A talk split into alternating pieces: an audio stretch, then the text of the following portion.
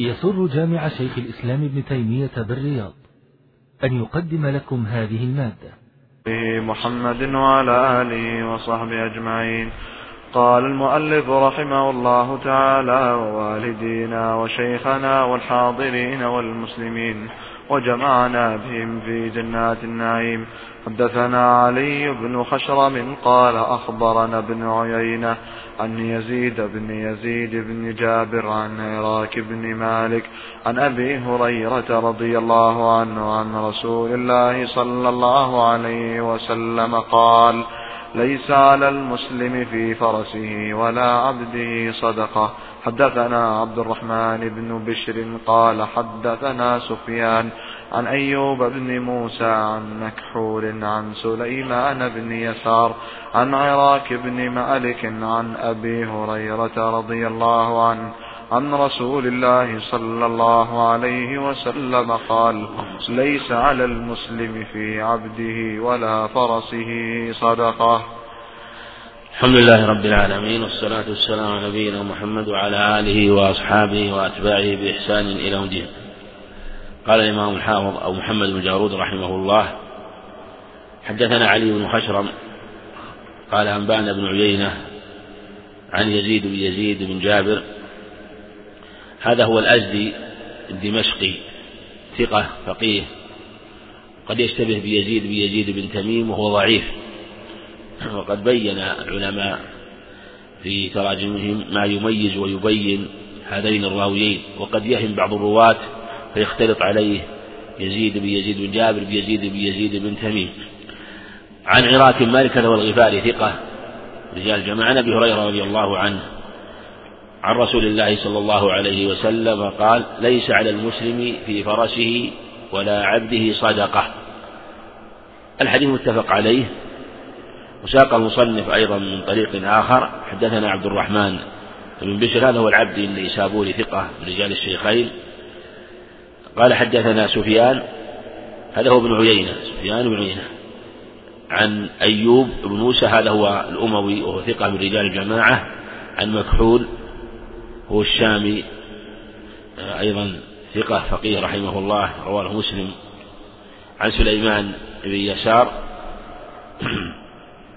وهذا أيضا إمام مشهور رحمه الله من آه، الفقهاء السبعة الذين ذكرهم نظمهم بعضهم. إذا قيل من في الفقه سبعة أبحر روايتهم ليست عن العلم خالية فقل هم عبيد الله عروة قاسم.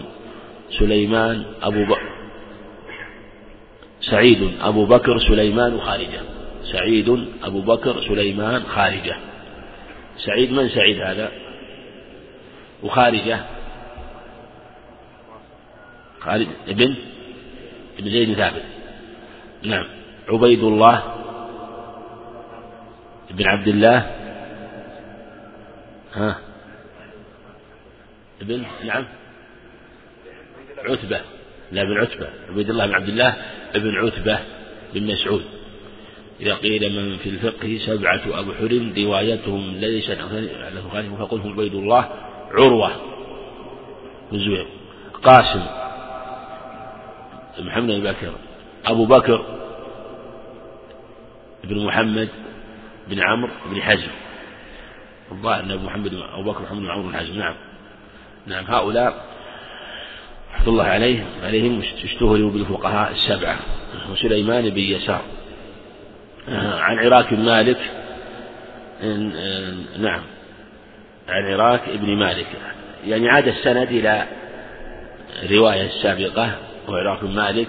يكون رواه عن يزيد بن يزيد بن جابر السند الأول. سليمان بن يسار في السند الثاني. عن أبي هريرة رضي الله عنه عن رسول الله صلى الله عليه وسلم قال ليس على المسلم في عبده ولا فرسه صدقة. صدقة. عند مسلم إلا صدقة الفطر إلا صدقة الفطر. هذا الحديث متفق عليه وفيه دلالة لقول جماهير أهل العلم أن صدقة الفطر تجب على سيد المملوك تجب على سيده ويقال ليس على مسلم ولا في عبد ولا فرس صدقة إلا صدقة الفطر. فهي واجبة. وهذا إذا لم يكونوا للتجارة. إن كانوا للتجارة فإنه يخرج عنهم زكاة التجارة وزكاة صدقة الفطر على خلاف في هذا. وهذا الحديث احتج به الظاهرية على سقوط زكاة عروض التجارة.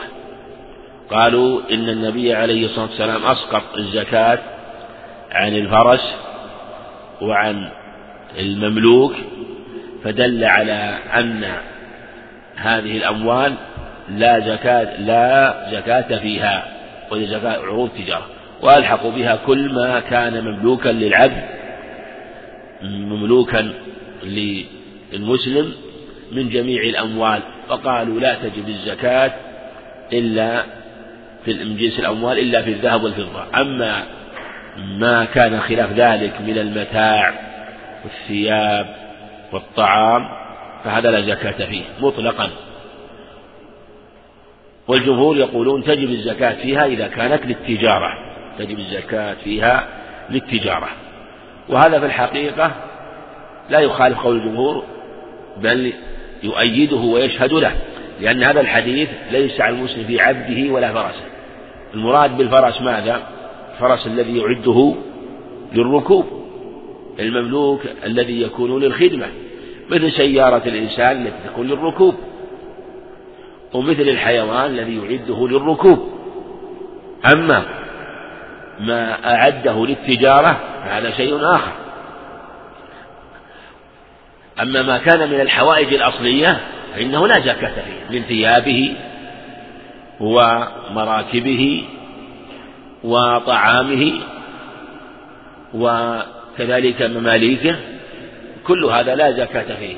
إنما تجب الزكاة فيما كان زائدا حاجة أصلية مما أعد للتجارة. هذا تجب فيه الزكاة وحكى الإجماع على وجوب زكاة التجارة جمع من العلم منهم أبو بكر بن المنذر رحمه الله. وإيجاب زكاة التجارة في الحقيقة من آه، أعظم حكم الشريعة في إيجاب الزكاة عموما. ولو أص ولو أسقطت زكاة التجارة لسقطت الزكاة اليوم عن عموم أصحاب الأموال والتجار. لأن اليوم ما في التعامل. بنقد. ما فيه. التعامل اليوم بعروض التجارة والمتاجرات والبيع والشراء بعروض التجارة. ولو سقطت عروض التجارة عن عروض التجارة في الغالب لا يكون هنالك زكاة إلا على ما يكون من أموال تكون عنده ويحول عليها الحول. والجمهور قالوا تجب ثم هم يقولون نحن نقول إن الزكاة لا تجب في عينها. صحيح. نحن نقول كما قال عليه والسلام الزكاة لا تجب في عينها. لا في عين الفرس ولا في عين الدابة ولا في عين المملوك ولا في عين السيارة وكل متاع مما يملكه المسلم فلا زكاة فيه. إنما الزكاة تجب في قيمها تجب في قيمته ولهذا تقوم. فما بلغت وكان النصاب فأكثر وجبت فيها الزكاة. ولهذا لو كانت الزكاة تجب في عينها يكون وجوبها سواء كان التجارة أو لغير التجارة.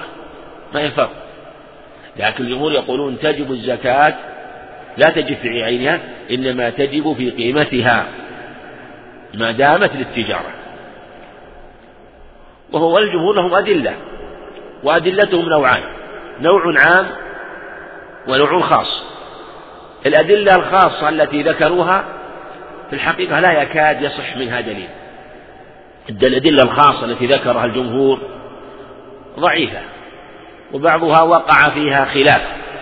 من أشهر أدلة الجمهور حديث سمرة بن جندب رضي الله عنه عند أبي داود أنه عليه أنه قال أمرنا رسول الله صلى الله عليه وسلم أن نخرج الزكاة مما نعده للتجارة. هذا صريح لكنه إسناده ضعيف أو ضعيف جدا. أيضا من أدلتهم ما رواه الدار قطني أنه عليه الصلاة والسلام قال حيث بذر في البز صدقته في البز صدقته والبز هي الثياب هذا لا يكون إلا فيما كان للتجارة ومع أنه وقع خلاف في كلمة البز منهم من رواها بالبر البر. وعلى هذا إذا كان في الرواية بالبر فلا دليل فيها في زكاة التجارة لأنها تكون من باب زكاة الحبوب والثمار زكاة الحبوب. وإن كان المرجح هو في البز بالباء الموحدة والزاي. ومنها الأثر المشهور عن عمر أن أبا عمرو رضي الله عنه أبا عمرو الحماس آه، كان عنده عمر أن عمر رضي الله عنه أمره أن يزكي. قال يا أمير المؤمنين إنما هي جعاب وأدب.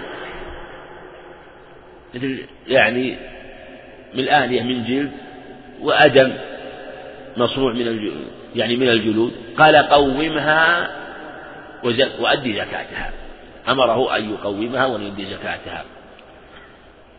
فهذا أيضا من الأدلة في هذا الباب وكلها قد تكلم فيها. وأصح ما يستدل له في بالأدلة دليلان. أدلة عامة من جهة آه، من جهة الأدلة التي هي ظاهرة وأيضا من جهة المعنى والحكمة الذي يدل دلالة الأولى والأحرى الذي هو دلالة فحوى الخطاب. الأدلة العامة مثل قول خذ من أموالهم صدقة تطهرهم وتزكيهم بها. خذ من أموالهم. هذا يدخل في جميع الأموال. ومن أعظم الأموال هو أموال التجارات. الأموال التي تنمى والتي ربحها كثير وتؤمن مخاطرها كثيرا. التجارة في هذه عروض التجارة. وزكاتها كانت مثل زكاة الأموال ربع العشر لكثرة المؤونة فيها. فيدخل في عموم الأموال الأموال التي تاجر فيها لأنها تنمو ولها ربح في الغالب. كذلك قوله عليه الصلاة والسلام في حديث آه، ابن عباس لما أرسل معاذا إلى اليمن قال فإنما فإنهم أجابوا لذلك فيعلمهم أن الله قد افترض عليهم صدقة تؤخذ من أغنيائهم أن عليهم صدقة في أموالهم تؤخذ من أغنيائهم ترد في قبضهم ذكر الأموال وهذا شامل وعام لجميع الأموال ولم يستثني شيء. أيضا في قوله تعالى يا أيها الذين آمنوا أنفقوا من طيبات ما كسبتم. هذا عام. وإما أخرجنا لكم من الأرض.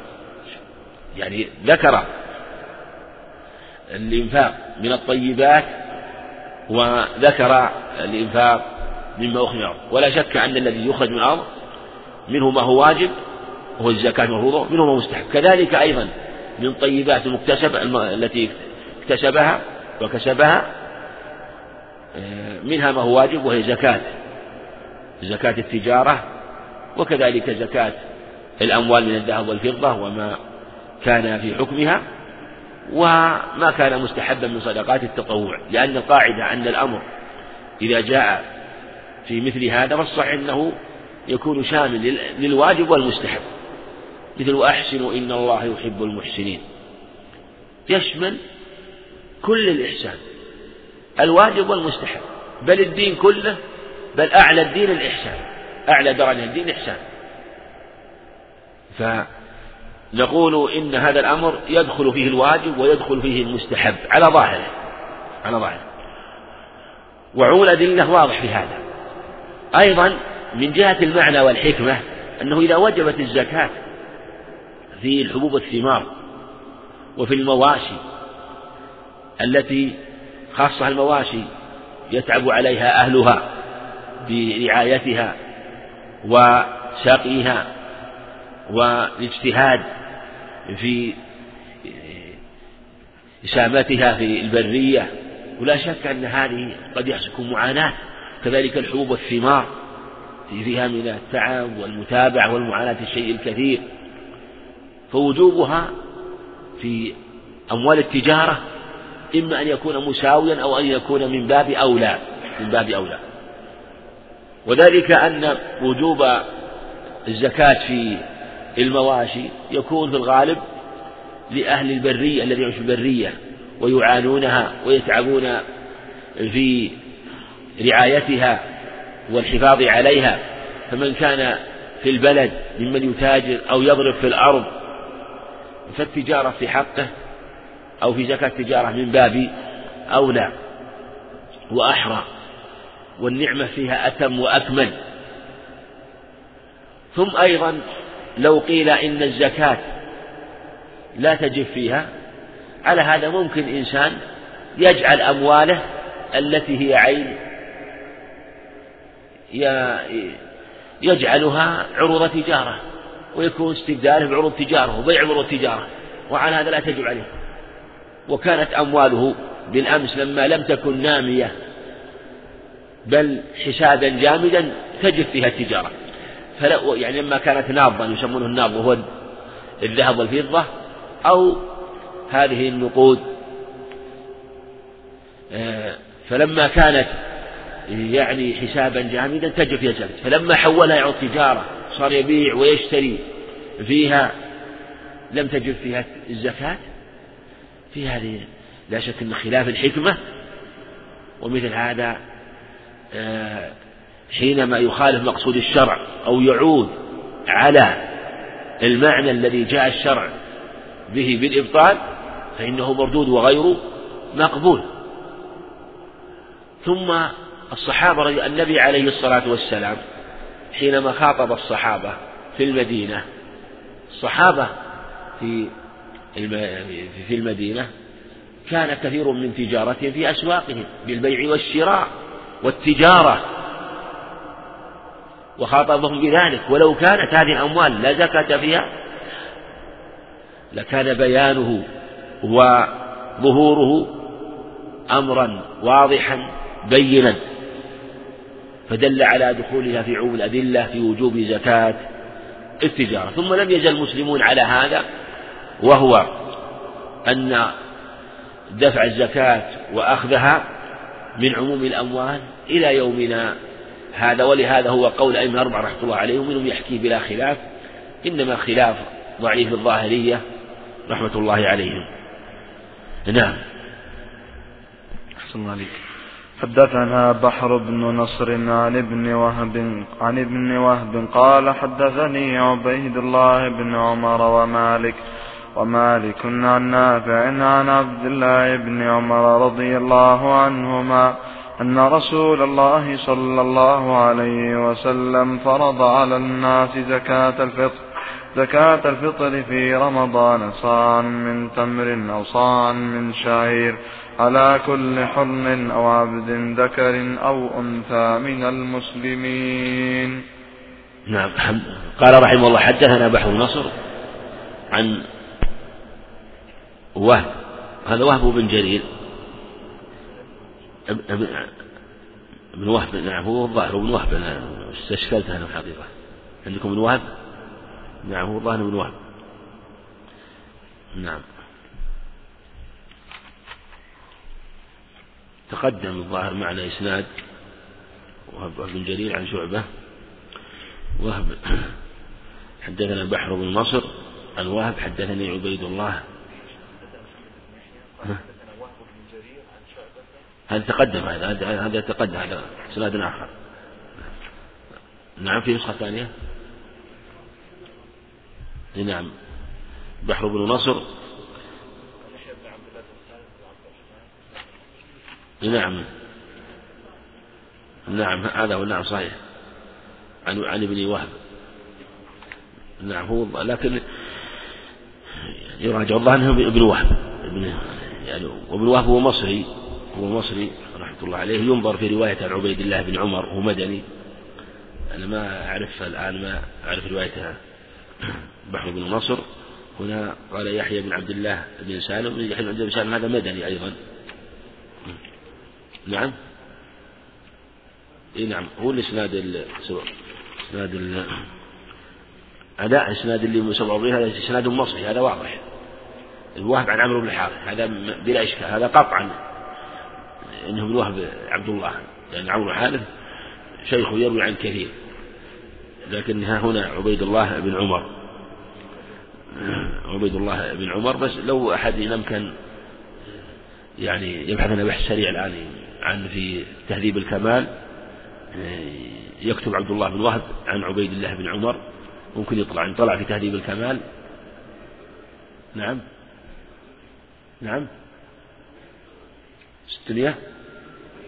إيش فيه ستة وثلاثين. ستة وثلاثين. لا هو نفسه هذا عمرو الحارث نفس الإسناد. هذا عمرو الحارث آه، تقدم. الإسناد هذا واضح. عبد الله بن وهب عن عمرو الحارث لكن قصدي عن عبيد الله بن عمر عن عبيد الله بن عمر. لكن وإن كان يرجح هذا أن عبد أن تقدم عبد الرحمن بن نصر عن ابن وهب أخبرهم. لكن أمكن أحد عنده ممكن بحث سريع ولا راجع إن شاء الله غدا هو متفق عليه لكن كلام إسناد هو متفق عليه ما في إشكال. لكن لو يريد نفس الإسناد هذا. حدثنا عبيد الله بن عمر هذا عبيد الله بن عمر هو بن حفص بن عاصم بن عمر الخطاب إمام مشهور رحمه الله وله أخ اسمه عبد الله بن عمر. وعاصم هم ثلاثة إخوة عبيد الله بن عمر بن حفص بن عاصم وعبد الله بن عمر بن حفص بن عاصم بن الخطاب وعاصم بن عمر وعاصم بن عمر. ثلاثة إخوة عبيد الله أوثقه وعاصم وعبد الله ضعيفان. أما عبيد الله فهو إمام رحمه الله. ومالك عن نافع عبد الله بن عمر رضي الله عنهما. نعم. ها؟ عبد الله عبد الله بن أن رسول الله صلى الله عليه وسلم فرض على الناس زكاة الفطر. الحديث كما تقدم في الصحيحين وقوله فرض على الناس زكاة الفطر في دلالة على أن الزكاة فرض زكاة الفطر فرض. وهذا محل اتفاق من أهل العلم إلا خلاف شاذ عمن لا يؤبه ولا يلتفت إلى قوله. في رمضان عند مسلم من رمضان من رمضان. وزكاة الفطر قيل إن سببها هو الفطر. إن سببها هو الفطر. وعلى هذا إذا قيل إن سببها هو الفطر فيكون وجوبها ليلة رمض ليلة شوال أول ليلة من شوال ليلة العيد. كما هو آه، قول كثير من أهل العلم. ومن أهل العلم من قال تجب بدخول رمضان. ومن أهل العلم من قال تجب بطلوع الفجر كما هو مذهب مالك ومنهم من قال بطلوع الشمس كما مذهب أبي حنيفة. وفي خلاف في هذا وهنا آه، لما قال من رمضان وفي حديث ابن عباس أنه عند أبي داود يأتي شرح إليه إن شاء الله فرض رسول الله صلى الله عليه وسلم زكاة الفطر من رمضان طهرة للصائم وطعمة للمساكين. من أداها قبل الصلاة فهي زكاة مقبولة ومن أداها بعد الصلاة فهي صدقة من الصدقات. ففرض رسول الله زكاة الفطر من رمضان فأضافها إلى الفطر فقيل إنه هو سببها وعلى هذا تجب بمغيب الشمس وهذا محل نزاع محل نزاع. وربما يؤيده أيضا ما يأتي أيضا أنه آه، حديث ابن عمر ما ذكر مصنف رحمه الله لكنه موجود في البخاري وهو أنهم كانوا يخرجون زكاة الفطر قبل رمضان بيوم أو يومين بيوم أو يومين. وفي رواية مالك ثلاثة أيام ثلاثة أيام. وعلى هذا على المشهور أن وجوبها يكون بليلة الفطر. فمن أسلم قبل مغيب الشمس من ليلة الفطر أو تزوج قبل عقد قبل مغيب الشمس من ليلة الفطر أو ولد له مولود قبل مغيب الشمس من ليلة الفطر وجبت زكاة الفطر عليهم عليهم. وسيأتي هل الوجوب مخاطب به؟ هل الوجوب آه، مخاطب به النفس؟ آه، الزوج ونفس الوالد في الزوج والولد من جهة زوج ولدها أو يعني مخاطب ابتداء أو مخاطب تحملا أو مخاطب تحملا لأن هذا يترتب عليه الخلاف. في هذه الحال إذا أسلم الكافر قبل مغيب الشمس وولد له قبل مغيب الشمس وتزوج قبل مغيب الشمس وجبت زكاة الفطر. وإن كان بعد مغيب الشمس في هذه الحال لا تجب زكاة الفطر للمولود ولا تجب زكاة الفطر لمن أسلم مثلا بعد مغيب الشمس على هذا القول. وإن قيل بطلوع الفجر تجب. وإن قيل بطلوع الشمس تجب. صاعا من تمر أو صاعا من شعير على كل حر أو عبد ذكر أنثى من المسلمين. المسلمين. تقدم أن الزكاة واجبة وأن محل إجماع. وورد في حديث من رواية قيس بن سعد بن عبادة عند النسائي أنه رضي الله عنه قال أمرنا رسول الله صلى الله عليه وسلم بزكاة الفطر قبل أن تنزل الزكاة. فلما نزلت الزكاة لم يأمرنا ولم ينهنا. قال الحافظ إن في إسناده راويا مجهولا وأظنه عن الراوي عن قيس هو أبو عمار. أبو عمار علي بن حميد وهو لا بأس به ثقة. والحديث جاء من طريق آخر أيضا عند النسائي بإسناد أقوى ولفظ أوضح وهو أنه يعني أمرهم بصوم عاشوراء وزكاة الفطر فلما نزل رمضان والزكاة لم يأمرنا به ولم ينهنا. فظاهر فالأقرب أن نقول لم يأمرنا به ولم ينهنا إشارة إلى صوم عاشوراء. وهذا أقرب في الحقيقة لأنه هو الموافق للأخبار الصحيحة في الصحيحين حيث أنه لما فرض رمضان من شاء صام ومن شاء أفطر فلم يأمرهم ولم ينههم. هذا هو الأقرب. وعلى هذا لا يكون هذا الحديث معارض للأدلة الدالة على الوجوب ولو فرض أنه لو فرض أنه معارض هو شاذ مع أنه في الحقيقة على اللفظ الأول في قوله لم يأمرنا ولم ينهنا لما قال أمرنا الرسول صلى الله عليه وسلم بزكاة الفطر قبل أن تنزل الزكاة يعني زكاة الأموال فلما نزلت لم يأمرنا ولم ينهنا. هل يدل هذا على سقوط زكاة الفطر؟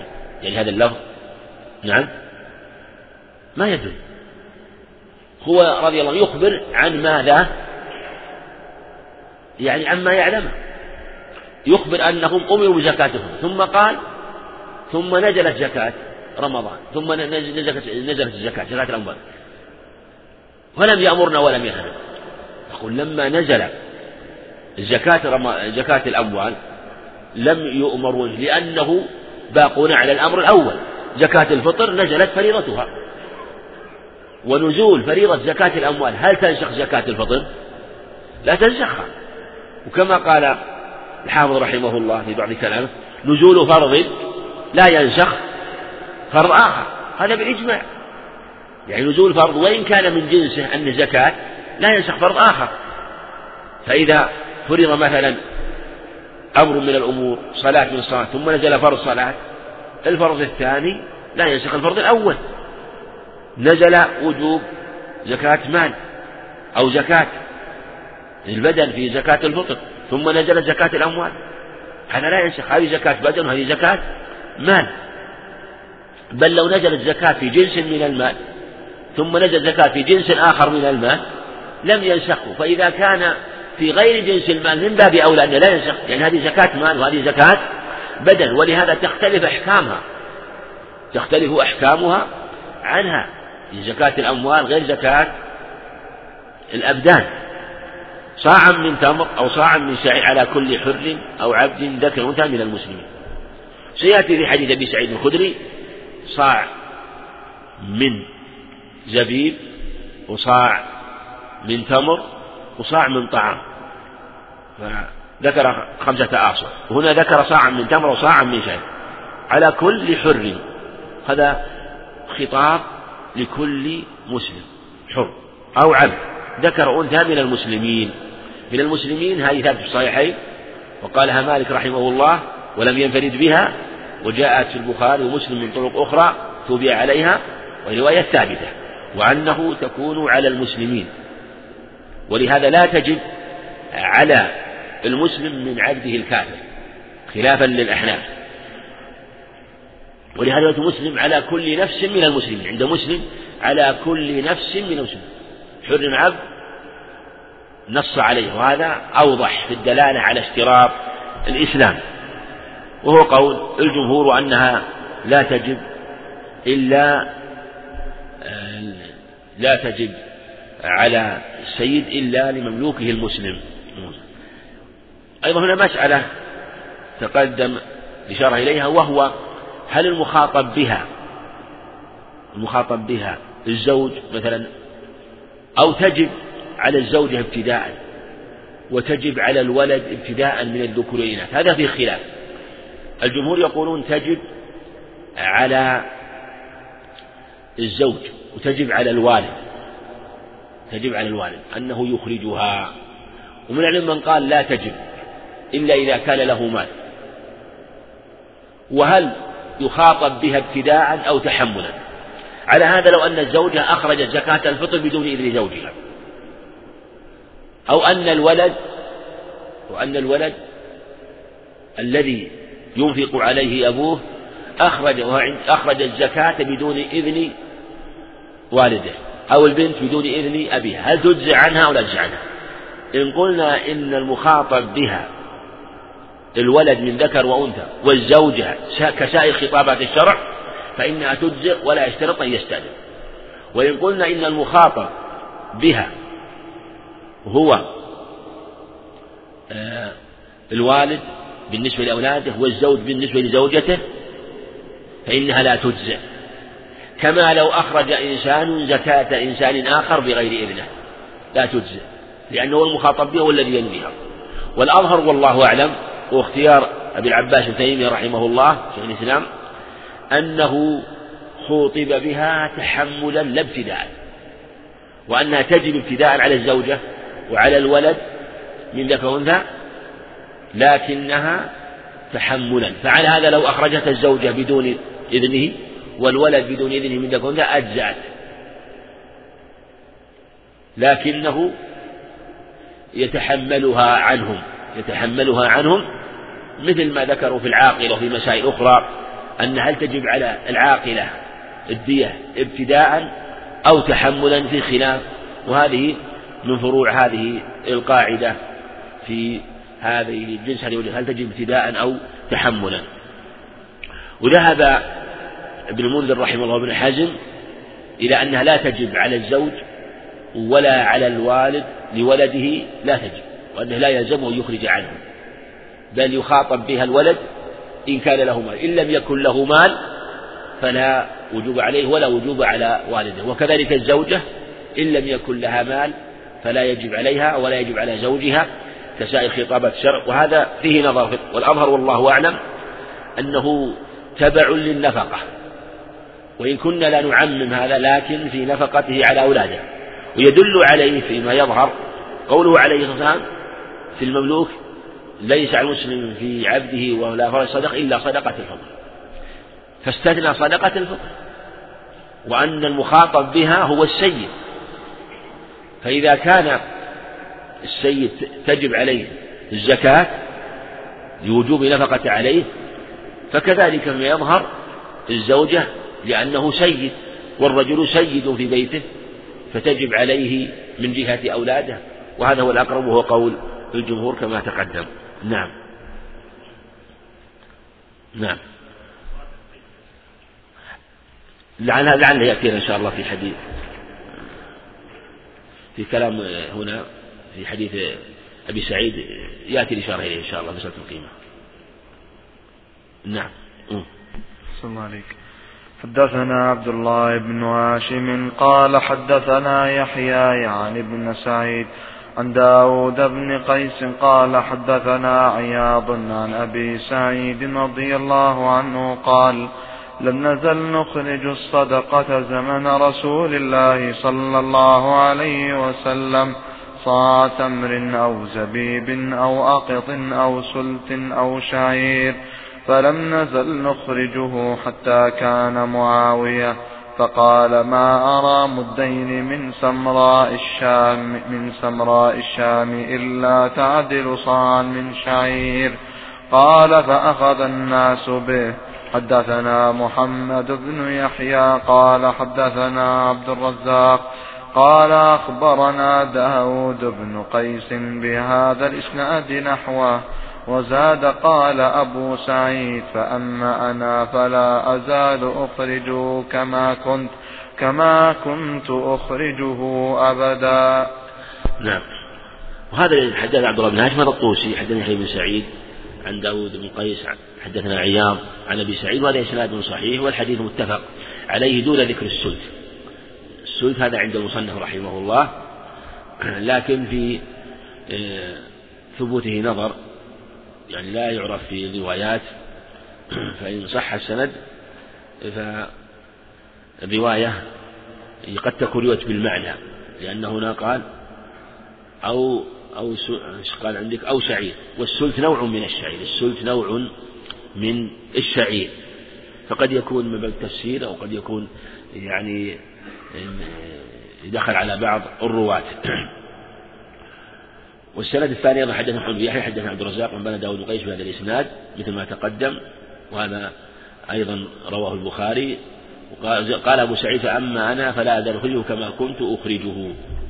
حديث أبي سعيد الخدري رضي الله عنه فيه هذه الأصناف في هذه الأصناف البر في التمر والشعير والزبيب والأقر والأقر جاء في رواية أخرى الطعام صاعا من طعام أو صاعا من شعير أو صاعا من تمر أو صاعا من زبيب أو صاعا من أقير هذا عند البخاري. وجاء عند البخاري كنا نخرج زكاة صاعا من طعام. قال أبو سعيد وكان طعامنا يومئذ الشعير والزبيب والشعير والتمر والزبيب أو الشعير والتمر والأقل ذكر ثلاثة أشياء. فسر الطعام بهذه الأشياء.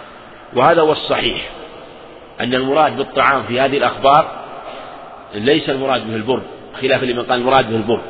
إنما المراد بالطعام هنا هذه الأصناف المذكورة وهي الأربعة الشعير التمر الزبيب الأقل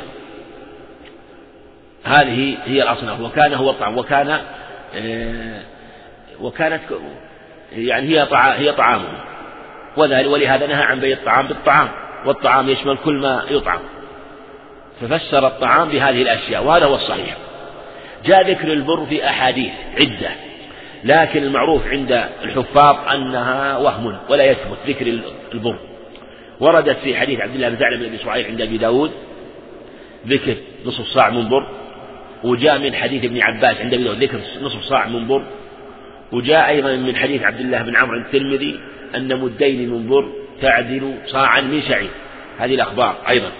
وكل هذه الأخبار لا تثبت آه، في ذكر نصف صاع من بر وجاء في أخبار كثيرة ومنهم من صححها ويدل على عدم ثبوتها ما قاله أبو سعيد رضي الله عنه وأنه جعله من فعل معاوية. هذا قال في مشن الصحابة. وقال ما أرى مدين سمر الشم إلا تعدل صاعا من شعير هذا قول معاوية. وأبو سعيد قال أن فأما أنا فلا أجل أخرجه كما كنت أخرجه أبدا. فبين أنه لا ذكر للبر أو نصف صاع من بر لا في الأخبار ولا في عهد النبي عليه الصلاة والسلام. أيضا ثبت في الصحيحين من حديث ابن عمر هذا المعنى. وأنه قال فعمد الناس إلى أو أخذ الناس بمدين من بر أو عمدوا إلى عدله مدين من بر وهذا في الصحيحين. وهذا من ابن عمر. أيضا يبين أن المدين من بر ليس إلا اجتهادا ممن اجتهده وأراد به معاوية رضي الله عنه. أيضا جاء رواية ذكر الدقيق. جاء رواية ذكر الدقيق من رواية ابن عيينة وبين العلماء أنه وهم أنه وهم من ابن عيينة رحمه الله وأن الدقيق لا ذكر له في الأخبار. ولهذا قال علي المديني رحمه الله إن الناس يقول يعني لا يقولون ذلك أو لا يذكرونه في الحديث قال هو فيه قال هو فيه يقوله ابن عيينة رحمه الله. آه، لكن المعروف في كلام العلم أنه لا ذكر للدقيق فيه. وأيضا من الأخبار التي هي وهم في هذا الباب ما رواه أبو داود من رواية ابن أبي رواد في أن الذي جعله نصف صاع من بر هو عمر رضي الله عنه. من روايته عن نافع عن ابن عمر وأن عمر جعله نصف صاع من بر وبين أبو داود أنه وهم رحمه الله وأنه وهم. وعلى هذا ينبغي أن تعرف الروايات في هذا الباب الموهوم التي هي وهم حتى تتحصل الروايات الصحيحة. أيضا من الروايات التي هي وهم في هذا الباب أن المحفوظ عن أبي سعيد الخدري رضي الله عنه هو آه، ذكر الطعام ودون ذكر البر. وجاء في رواية عند الحاكم وغيره أنه صاع ذكر صاعا آه، من بر. وهذا لا يثبت لا يثبت. يعني في خبر أبي سعيد. ذكر البر أو ذكر الحنطة. ذكر وبين ابن خزيمة رحمه الله أن أن ذلك غير محفوظ في صحيحه ولأنه روى في صحيحه وبين أنه غير محفوظ. ذكر الحنطة وجعله بدل الزبيب يعني بدل الزبيب. ومن أهل العلم من جود الروايات في ذكر نصف صاع من بر وأنه يعدل صاعا من سائر هذه الأشياء من الزبيب والأقط والتمر والشعير. لأن البر كان أرفع وأنفع فقالوا إنه يعدل صاع من هذه الأصناف. واختارت شيخ الإسلام رحمه الله. لكن الأخبار الصحيحة تدل على خلاف ذلك كما قال ابن عمر رضي الله عنه وأن الذي الناس عدل ذلك وجعلوه عدل صاع مدين منه وكذلك أبو سعيد الخدري وأن السنة الفعلية والقولية تدل على خلاف ذلك. وعلى هذا انبنى مسائل. في هذه ينبني مسائل منها ما تقدم السؤال عنه وهو مسألة القيمة في زكاة الفطر. هل يجوز إخراجها أو لا يجوز إخراجها؟ جمهور العلماء على أنه لا تجزئ القيمة في زكاة الفطر وخالف الأحناف في ذلك. وزكاة والقيمة يجوز إخراجها عند الحاجة وخاصة في زكاة الأموال وهذا حتى في المذهب رواية. قول لبعض العلم أما زكاة الفطر فالأدلة فيها أوضح والنص فيها أصرح في التنصيص على هذه الأشياء. وأدلة وجوب إخراج عين هذه إخراج صاع من هذه الأشياء أو ما يقوم مقامها من الأقوات هو الصحيح. والأدلة كثيرة في هذا الباب. ولكن نقول إن القيمة يجوز إخراجها عند الحاجة وهذا هو الصحيح. إن كان هناك حاجة فلا بأس. مثل يكون في مكان لا يجد شيء يشتريه من الأقوات أو يكون أهل البلد الذي هم فيه لا يقبلون هذه الأقوات لا يقبلونها. وهذا يبعد في الحقيقة يبعد في الحقيقة أن يكون مكان لا تقبل فيه الأقوات بل كل بلد لا بد أن يكون فيه قوت مهما كان. وعلى هذا نقول وهي المسألة الثانية وهي مسألة إخراج ما كان قوتا. وذلك أن النبي عليه الصلاة والسلام ذكر هذه الأصناف الشعير والتمر والزبيب والأقط والأقط هذه الأصناف الأربعة. وهذه الأصناف كما تقدم مختلفة أقيامها. ولو ك...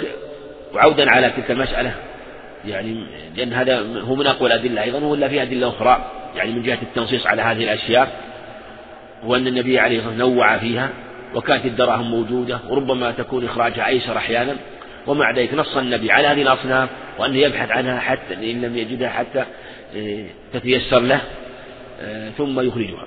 والنبي ذكر أصنافا أقيام مختلفة. فلو كانت القيمة تجزئ لم لذكر شيئا تكون قيمته واحدة. تكون قيمته واحدة. ولهذا لما كانت أقيامها مختلفة ومتفاوتة دل على أن المقصود هو القوت للبلد أو القوت الموجود وأن هذه هي الأقوات الموجودة في البلد منها ما يكون قوت للبلد أو للبادية ومنهم ما يكون قوتا للجميع مثل التمر والشعير. وعلى هذا كما تقدم الصحيح وهو قول الجمهور خلافا للمشهور مذهب أن الواجب هو إخراج القوت سواء من هذه الأصناف أو من غيرها. ولهذا لو كان يعني الشعير اليوم لا يكاد يأكل أحد اليوم ولا يمكن نقول أنه يجزئ في الحقيقة. وكذلك مثلا لو كان في بلد كما هو الآن الناس قوتهم الرز فلو أعطاه مثلا تمر أو بر قد لا يقبله أو لا تقبله نفسه ولو قبله. والصدقة يشرع أن تكون لها قبول وعلى هذا تكون من الطيب. فإذا قصد شيئا ليس قوتا فلم يتيمم الطيب. والمقصود في في هذه الزكوات هو إغناء الفقير والمحتاج وطيب نفسه بها. فإذا لم يحصل بهذا لم يحصل مقصود الشارع. والمعنى أحيانا يكون أوسع من اللفظ والمقصود المعنى والشريعة جاءت بالحكم إن ربك حكيم عليم وهو العليم الحكيم. فالمعنى هو المقصود في هذا ولهذا ربما نوسع النص بدلالة المعنى الواضح الظاهر فيخرج القوت. وعلى هذا مثلا إذا كانوا يقتاتون المكرونة يعطى, يعطى مكرونة وينظر إما أن يخرجها وزنا أو كيلا فإن كانت من الحبوب الصغيرة التي تنكبس تنكبس كان إخراجها بالكيل حسن. وأضبط أنواع الكيل وإن كنا ذكرنا بالأمس ذكرنا الوزن لكن أضبط ما يكون الكيل هو أربعة أمداد مثل ما تقدم ذكر بالأمس عن القاموس أربعة أمداد بيد الرجل المعتدل. هذا أضبط ما يكون بيد الرجل المعتدل. فإذا أخذ أربعة أمداد ممتلئة ووضعها في إناء يكون يضع عليه خط على هذا الإناء الخط القدر الوسط ويكون هذا مقدار الصاع في سائر الكفارات ويخرج منه. وإن كان هذا القوت لا يلتبس في الصاع فيخرج بالوزن على ما تقدم في القدر المذكور وهو 2 كيلو ونحو أربعين غرام يقل شيء قليل. فإن جبرها مئة أو زاد أو ثلاث كيلو فما زاد فهو صدقة تطوع. أيضا مثل ما تقدم نصف صاع لا يجزئ على الصحيح لا يجزئ من وإن أخرج قمحا فيخرج صاعا ويخرج صاعا كما جاء في حديث سعيد الخدري.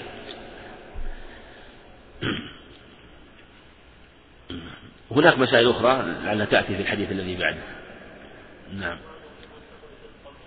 نعم. كيف؟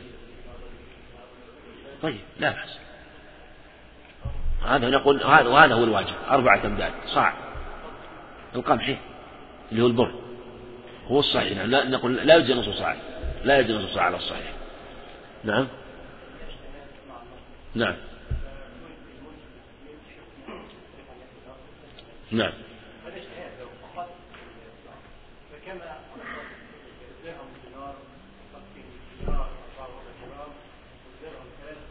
نعم.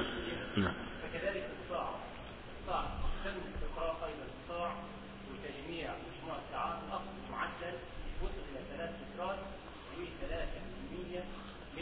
هذا نص ولا اجتهاد لتذكرة؟ خلاص الحمد لله. ما دام اجتهاد انتهينا. انتهينا. خلاص. سم. نعم سم. الله عليك حدثنا. حدثنا محمد بن يحيى قال حدثنا عبد الرزاق عن ابن جريج قال أنبأني موسى بن عقبة عن نافع عن ابن عمر عن ابن عمر رضي الله عنهما أن رسول الله صلى الله عليه وسلم أمر بزكاة الفطر قبل خروج الناس إلى المصلى. نعم. حدثنا محمد بن يحيى هو الذهلي راح يتقدم مرارا. حدثنا عبد الرزاق عن ابن جريج. ابن جريج من هو هذا ابن جريج؟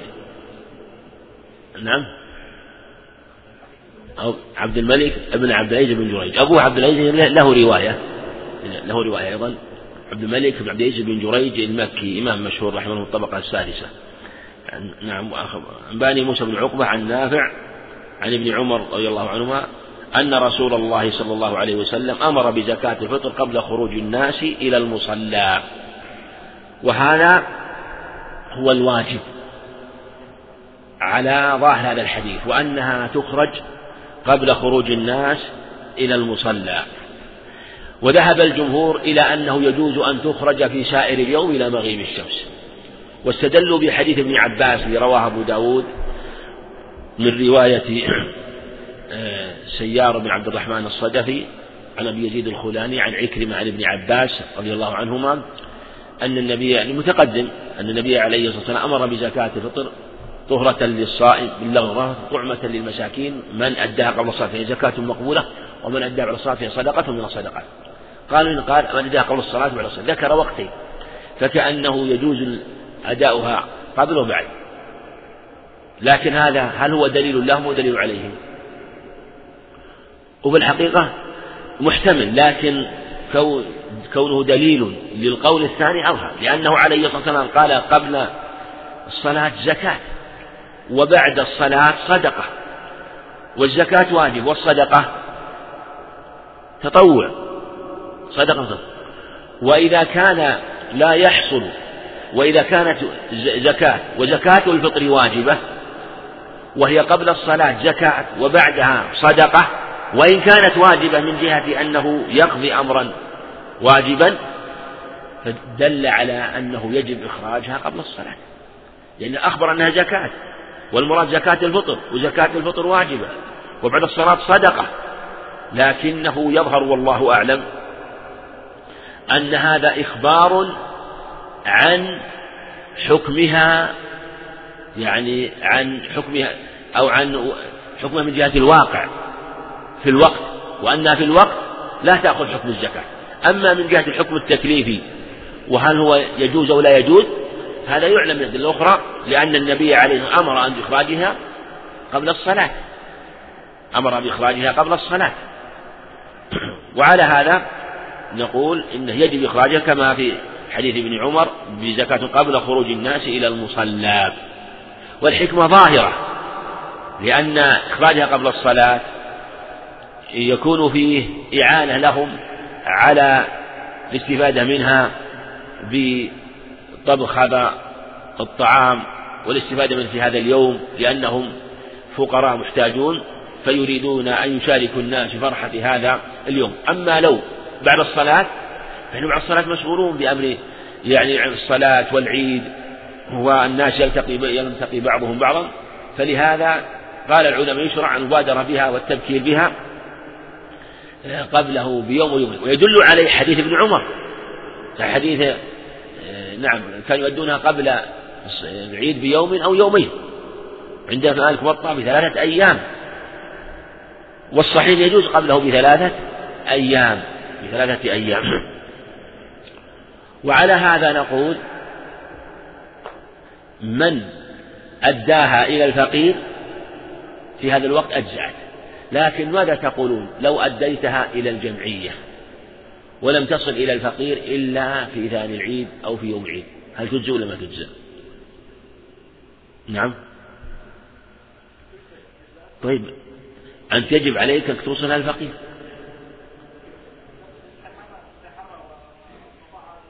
إذا ما استطاع شيء آخر. نعم نعم. نعم.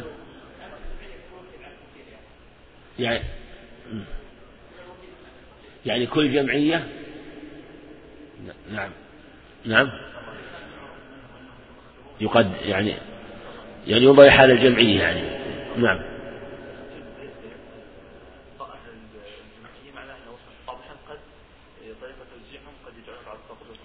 طيب لو على هذا لو أعطاها إنسان قال أنا أوصلها للفقير إنسان نزل من مسجد الجمعية أعطيتها إنسان. وقال خلاص أنا وصلها للفقير ولم يوصلها للفقير إلا في في يوم العيد بعد الصلاة. يعني أنت مأمور أن توصلها إلى الفقير. لابد يعني أن الفقير يقول أنا ما وصلتني. يقول أعطيتها فلان. أنا ما أنا لا وكلت فلان ولا شيء. يقول أنا ما وكلت فلان. لا ما يقول ما تبغى. يقول ما تبغى ما تصلي؟ يقول ما تبغى ما تصلي؟ نعم. نعم.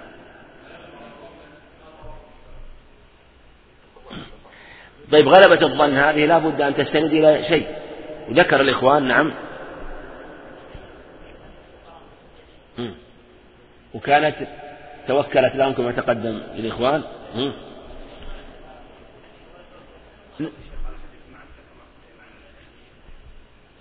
لا هذه هذه لكن هذا في مسألة من أخرج مالا. وضع في مكان يرد الفقراء. نعم. بس هذه هذه آه، صدقة تطوع. هذه صدقة تطوع. لك ما نويت يا يزيد ولك لا ما حتى يا يا معن. هم يزيد معن بن يزيد. لك ما معن ولك ما حتى يزيد. نعم. يعني مثل ما تقدم في كلام الإخوان يعني وأن نقول ننظر إن كانت الجمعية لديها هؤلاء الفقراء.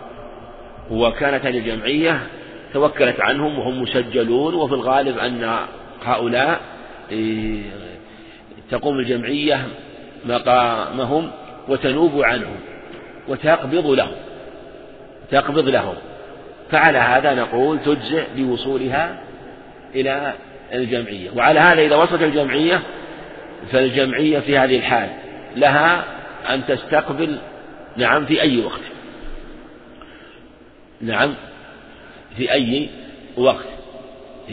يعني نعم. نعم. هذا فيه نظر. أقول فيه نظر.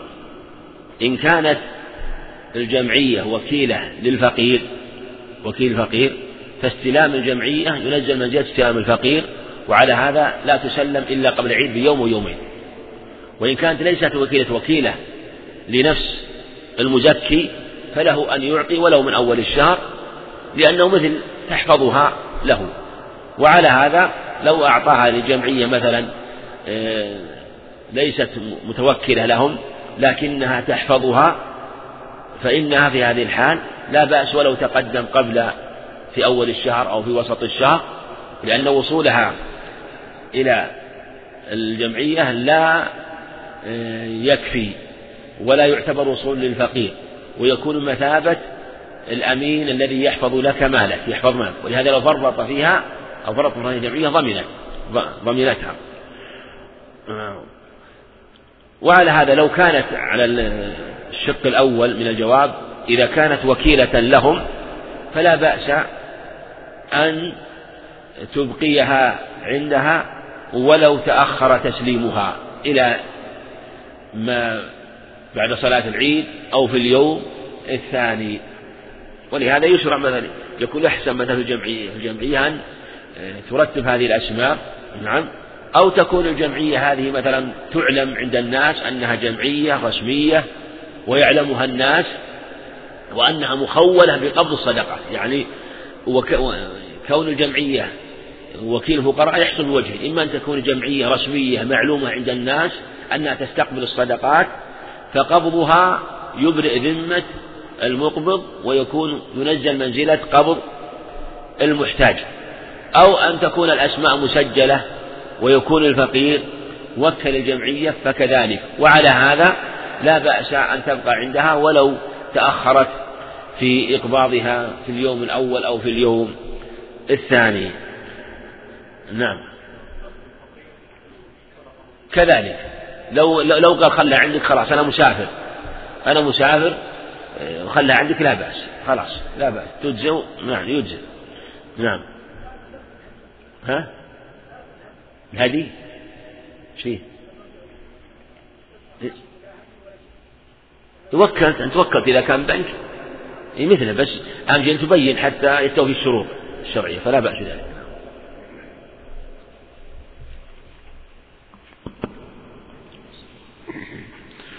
اللہ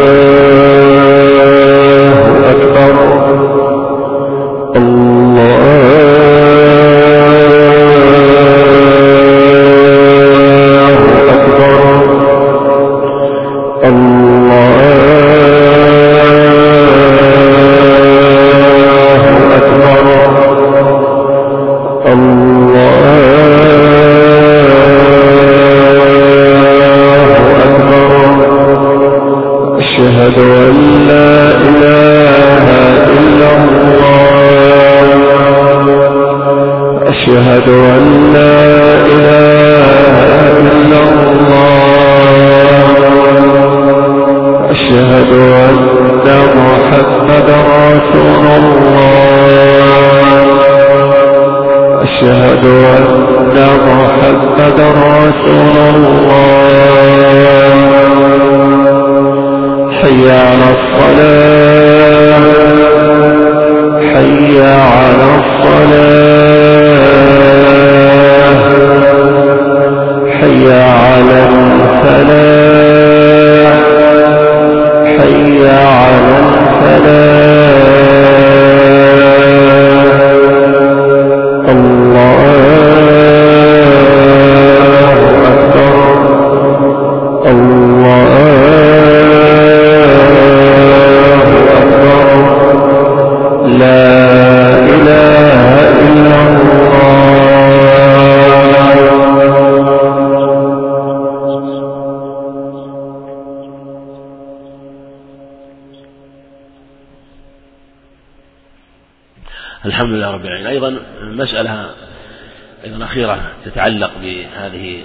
المسائل وهو في زكاة الفطر وهو لو كان عنده دقيق عنده حب مطحون طحين هل يجزي أن يخرج؟ نقول لا بأس أن يخرج طحين لكن يا أخي الطحين هل يخرج بالوزن ولا بالكيل؟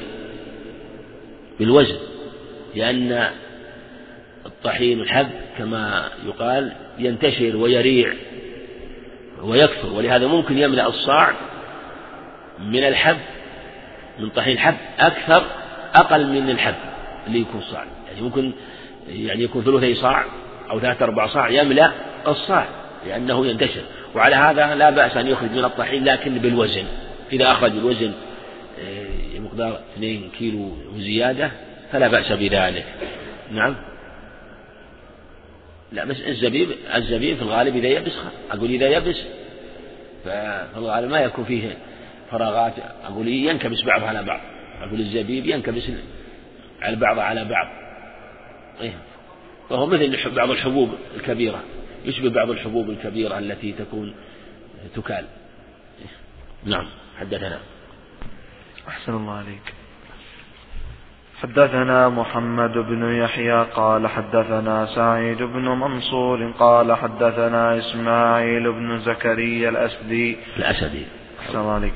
قال حدثنا إسماعيل بن زكريا الأسدي عن الحجاج بن دينار عن الحكم بن عتيبة عن حجية بن عدي عن علي رضي الله عنه أن العباس بن عبد المطلب رضي الله عنه سأل رسول الله صلى الله عليه وسلم سأل رسول الله صلى الله عليه وسلم في تعجيل صدقته قبل أن تحل فرخص له في ذلك. نعم. إيش بعده؟ قال يحيى عندك قال يحيى معين عندك قال يحيى معين بعده.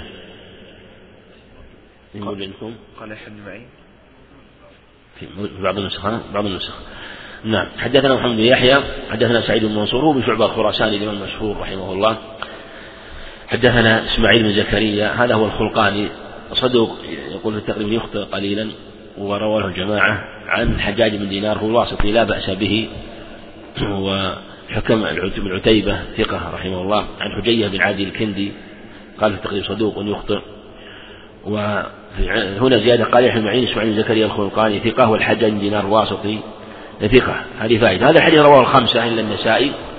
وأخرج أبو داود الطيالسي عن أبي رافع من طريق إسماعيل بن موسى المكي نحو حديث علي رضي الله عنه.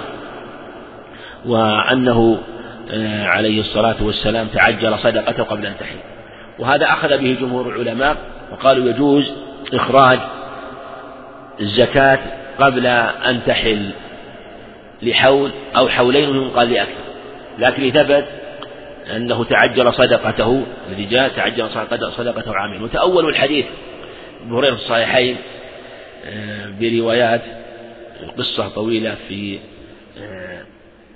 ذكر العباس وأنه منع الزكاة فقال أما العباس فهي علي ومثلها معها. هذا رواية مسلم. ورواية البخاري فهي عليه ومثلها معها. وعلى هذا اختلف فهي علي ومثلها معا علي ومثلها معها. هذا قالوا هذه الرواية عند مسلم. قالوا إنه علي لأننا تعجلنا صدقته. تعجلنا صدقته. فأخذناها لعامين فهي فأخذناها لعامين. أو استسلفنا أو استسلفنا منه صدقة عامين. فهي عليه ومثلها معها فهي عليه ومثله ومثلها معها. يعني رواية فهي علي أننا استسلفنا منه صدقة عامين وعلى على هذه الرواية يكون موافق لهذا الحديث لهذا الحديث. لكنه محتمل لكن هي هو محتمل. وأصرح الروايات في هذا حديث علي رضي الله عنه وهو حديث إسناده لا بأس به جيد وأخذ به الجمهور خلافا لمالك والثوري رحمة الله عليهم وقالوا إنه لا يجوز تعجيل الصدقة أو الزكاة قبل حلولها. والصحيح قول الجمهور لأن الزكاة حينما يوجد سببها ولم يبق إلا شرطها فلا بأس انعقد وجوبها بوجود سببها. مثل الكفارة. والزكاة من جنس الكفارة. بل في الحقيقة الكفارة آه، يعني أشد من الزكاة. الكفارات على الصحيح أشد من الزكوات من الزكاة. الكفارة خاصة بالمساكين. الكفارات كل الكفارات كفارة الظهار كفارة الوقت في رمضان كفارة اليمين. وعلى الصحيح أيضا زكاة الفطر خاصة بالفقراء والمساكين أما الزكاة من الأصناف الثمانية الأصناف الثمانية.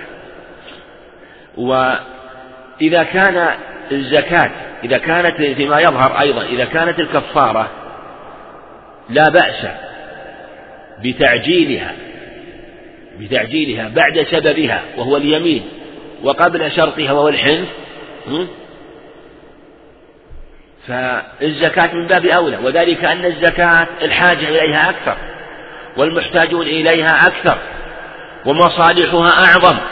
وقاعدة الشريعة أن ما كانت الحاجة إليه أكثر ومصلحته أعظم فإنه يخفف فيه ويوسع فيه ما لا يوسع في غيره مما ضيق بابه مثل الكفارات.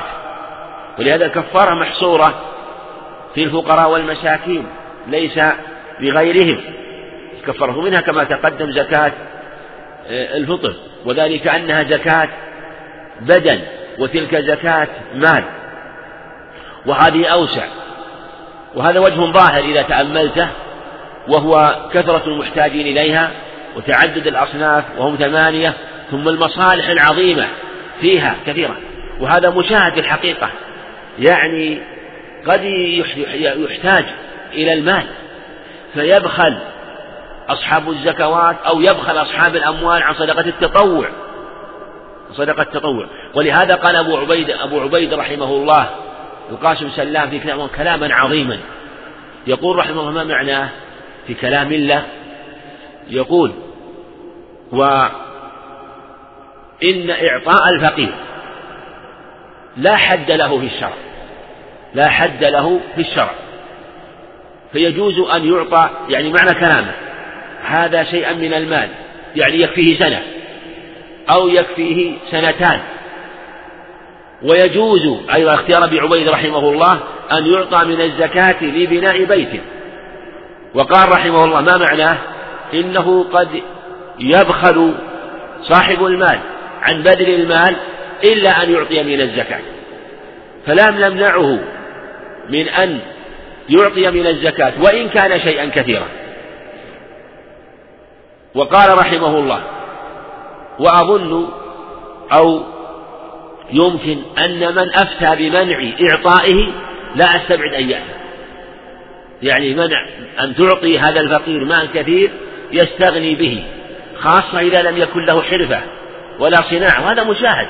يعني كثير من الفقراء اليوم يعطى مثلا يعطى مال. أسرة كبيرة تعطيه مال. ثم قلبه قلق يعني ومنزعج حين تعطيه مثلا مبلغ. يعلم أنه بعد أيام سوف يذل يتصل يسأل.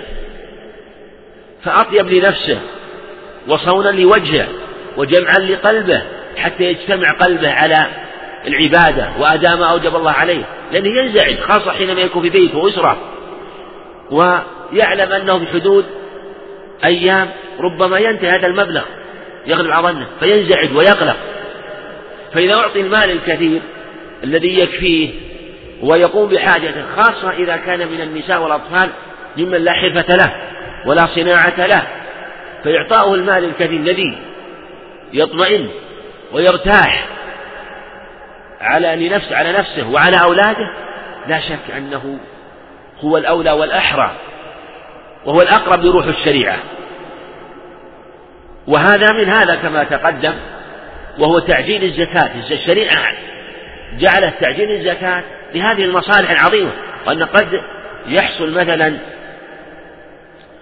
آه، أن يحتاج إلى تعجيلها. يحتاج إلى تعجيلها لضرورة نزلت أو لحاجة. فيقال عجل الزكاة عندنا حاجة. مثل مضطر الآن عليه دين يخشى أن يحبس يسجن. إنسان مزعجة بالاتصال أعطني مالي. إما في أجار وإلا في دين. يقول بادر والتعجيل أفضل. إن طلبت نفسه بأن يعطي صدقة فلا بأس. وإلا إن لم تطب نفسه فيبادر بالزكاة ولو بجميع الزكاة. ما كفى زكاة عام زكاة عامين. كما تقدم أنه انعقد السبب والشرط وهو تمام الحول. وكما تقدم في جنس في الكفارات وأنه أولى بذلك. نعم. حدثنا. نعم. حدثنا محمد بن يحيى قال حدثنا أبو داود قال أخبرنا شعبة قال أنبأني عمرو بن مرة قال سمعت عبد الله بن أبي أوفى رضي الله عنهما يقول كان رسول الله صلى الله عليه وسلم إذا تصدق إليه أهل بيت بصدقة صلى عليهم فتصدق أبي بصدقة إليه فقال رسول الله صلى الله عليه وسلم اللهم صل على آل أبي أوفى نعم. هذا أحد الإخوان جزاه الله خير يقول لم أجد تهذيب الكمال بأن ابن وهب يروي عن عبيد الله. هو هنا ذكر بن عمر ما ادري هل هو خطا هو عبيد الله بن عمر هو نعم. إيه؟ بس هنا عن عن عبد الله عن عبيد الله. نعم. بكرة إن شاء الله. نعم. قال رحمه الله حدثنا محمد بن يحيى حدثنا أبو داود الطيالسي أنبأنا شعبة. من شعبة هذا؟ بالحجاج. أو بسطام الواسطي شعب الحجاج الواسطي أو بسطام الواسطي العتكي رحمه الله إمام مشهور. توفي سنة 160 للهجرة. قال حنباني عمرو بن مرة هذا عبد الله بن طارق الجمري قال سمعت عبد الله بن أبي أوفى الأسلمي صحابي جليل توفي سنة عمر توفي سبع وثمانين رحمه الله. يقول قال كان رسول الله صلى الله عليه وسلم إذا تصدق على إذا تصدق له أهل بيت صدق صلى عليه فتصدق. أي صدقة إليه. فقال رسول الله صلى الله عليه وسلم اللهم صل على آل أبي أوفى. وهو في الصحيحين أيضا بلفظ قريب من هذا وهو أنه إذا أتاه قوم بصدقتهم محمد بن أوفى كان النبي عليه الصلاة والسلام إذا أتاه قوم بصدقة صلى عليه. فأتوا أبي بصدقة صدقته فقال اللهم صل على آل أبي أوفى. وآل أبي أوفى هو آه، والده. والده علقمة بن أوفى. وآل الشيء ذاته. مثل قول النبي عليه الصلاة والسلام لأبي موسى لقد أوتيت مزمارا من مزامير آل داود. ما المراد بآل داود؟ نعم داود. داود نفسه. وهي دلالة على مشروع الصلاة. في قوله والنبي امتثل قوله تعالى وصل عليهم إن صلاتك سكن لهم. وقالوا إن هذا خاص به والصلاة عليه عليه الصلاة والسلام. ويشرع آه، لمن يقبل الصدقة أن يدعو أن يدعو لمن تصدق. مثل مثل ما دعا النبي عليه الصلاة والسلام. اللهم بارك له في إبله اللهم بارك له ماله. هذا ورد في أخبار عن النبي عليه الصلاة والسلام. في الدعوة لمن تصدق بشيء وهذا يبين أنه لا يتعين له الصلاة بل لو دعا بذلك عليه الصلاة والسلام بأي دعاء فلا بأس بذلك كما تقدم في أخبار جاءت وأن النبي لمن أرسل له بناقة حسنة قال اللهم بارك له في إبله أو بارك له في ماله.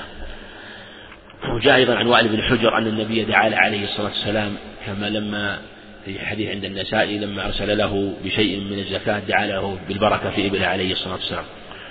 وقال اللهم صل على آل أبي أوفى.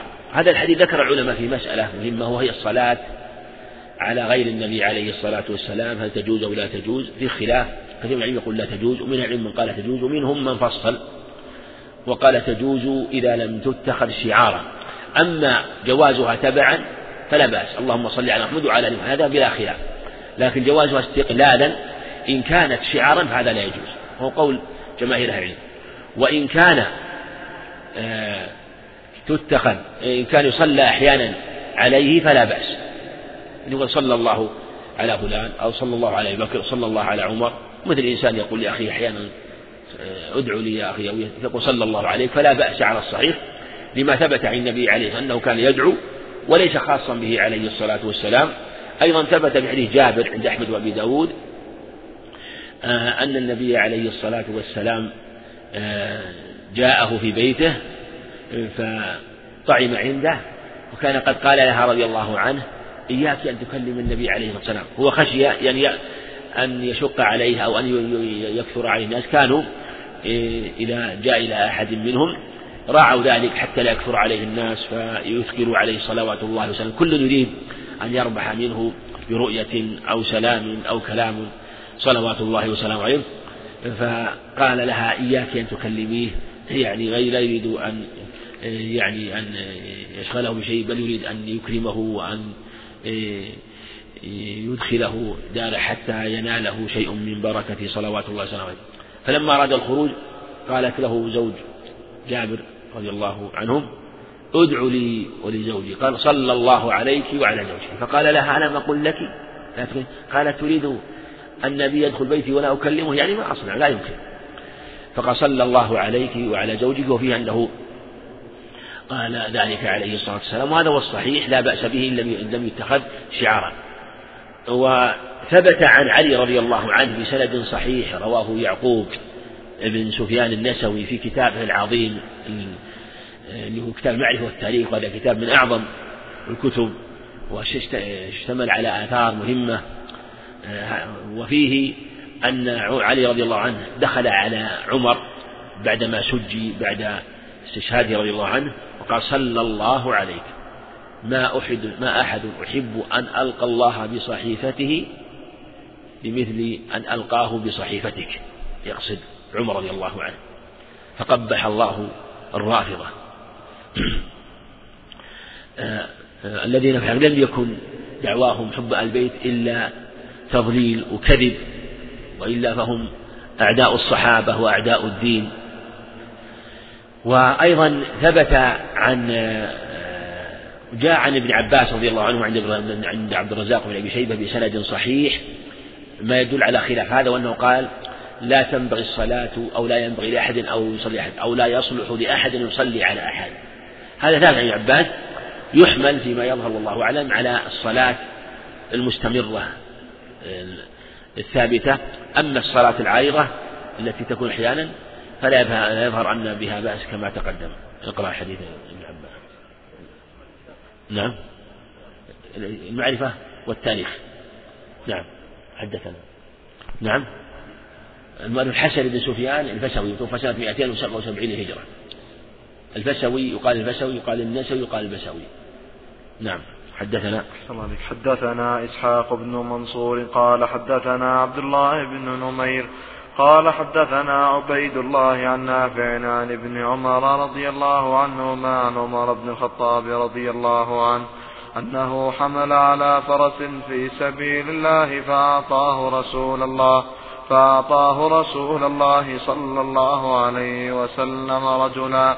فوقفه الرجل يبيعه فجاء عمر فجاء عمر رضي الله عنه إلى رسول الله صلى الله عليه وسلم فقال له أتباع الفرس أتباع الفرس الذي حملت عليه في سبيل الله؟ فقال له رسول الله صلى الله عليه وسلم لا تبتعه ولا ترجع في صدقتك. الحديث في الصحيحين لكن بغير هذا السياق بمعنى قول حدثنا افعل هذا الحديث.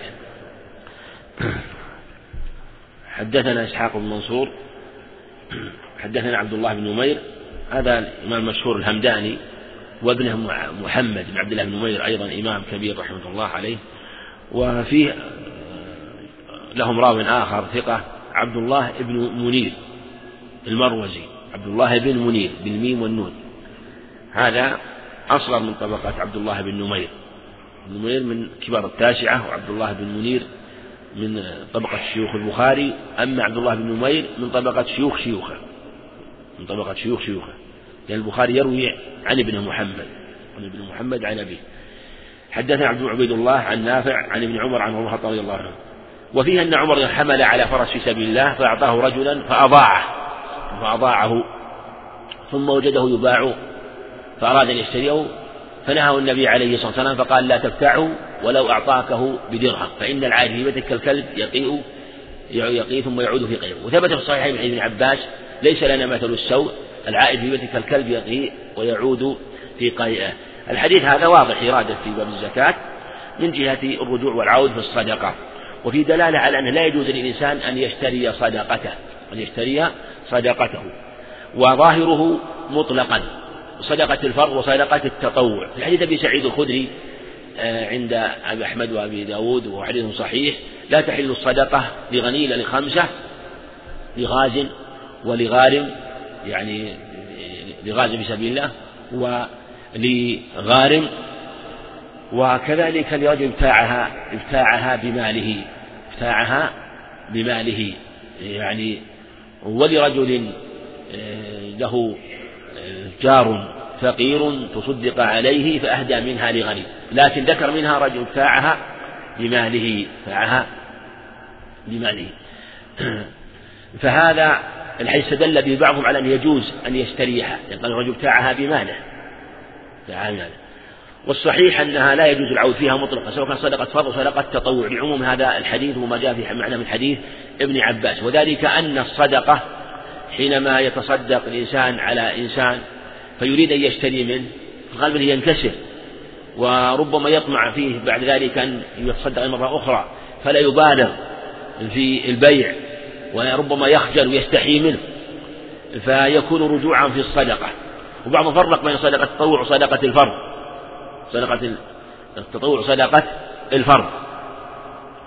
فقالوا إن صدقة التطوع لا يجوز الرجوع فيها. صدقة الفرض يجوز الرجوع فيها يجوز شراءها آه، لأنها لا يتخيل أو يعني لا يقع في النفس الرجوع فيها ولا تقع فيها المنة بخلاف صدقة التطوع. والصحيح هو العموم لحديث ابن عباس المتقدم ولأنه يشمل الهبة ويشمل صدقة التطوع ويشمل الزكاة إلا إذا رجعت له على سبيل الميراث كما حين بريدة لما قال يا رسول الله إني تصدقت على أمي بوليدة وإنها ماتت قال آه عليه الصلاة والسلام وجب أجرك وردها عليك الميراث.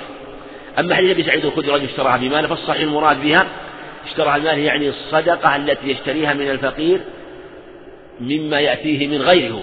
مثل إنسان فقير جت زكاة الفطر وأنت اشتريتها منه لكن ما تصدقت عليه. صدق عليه آخر وباعها لا بأس.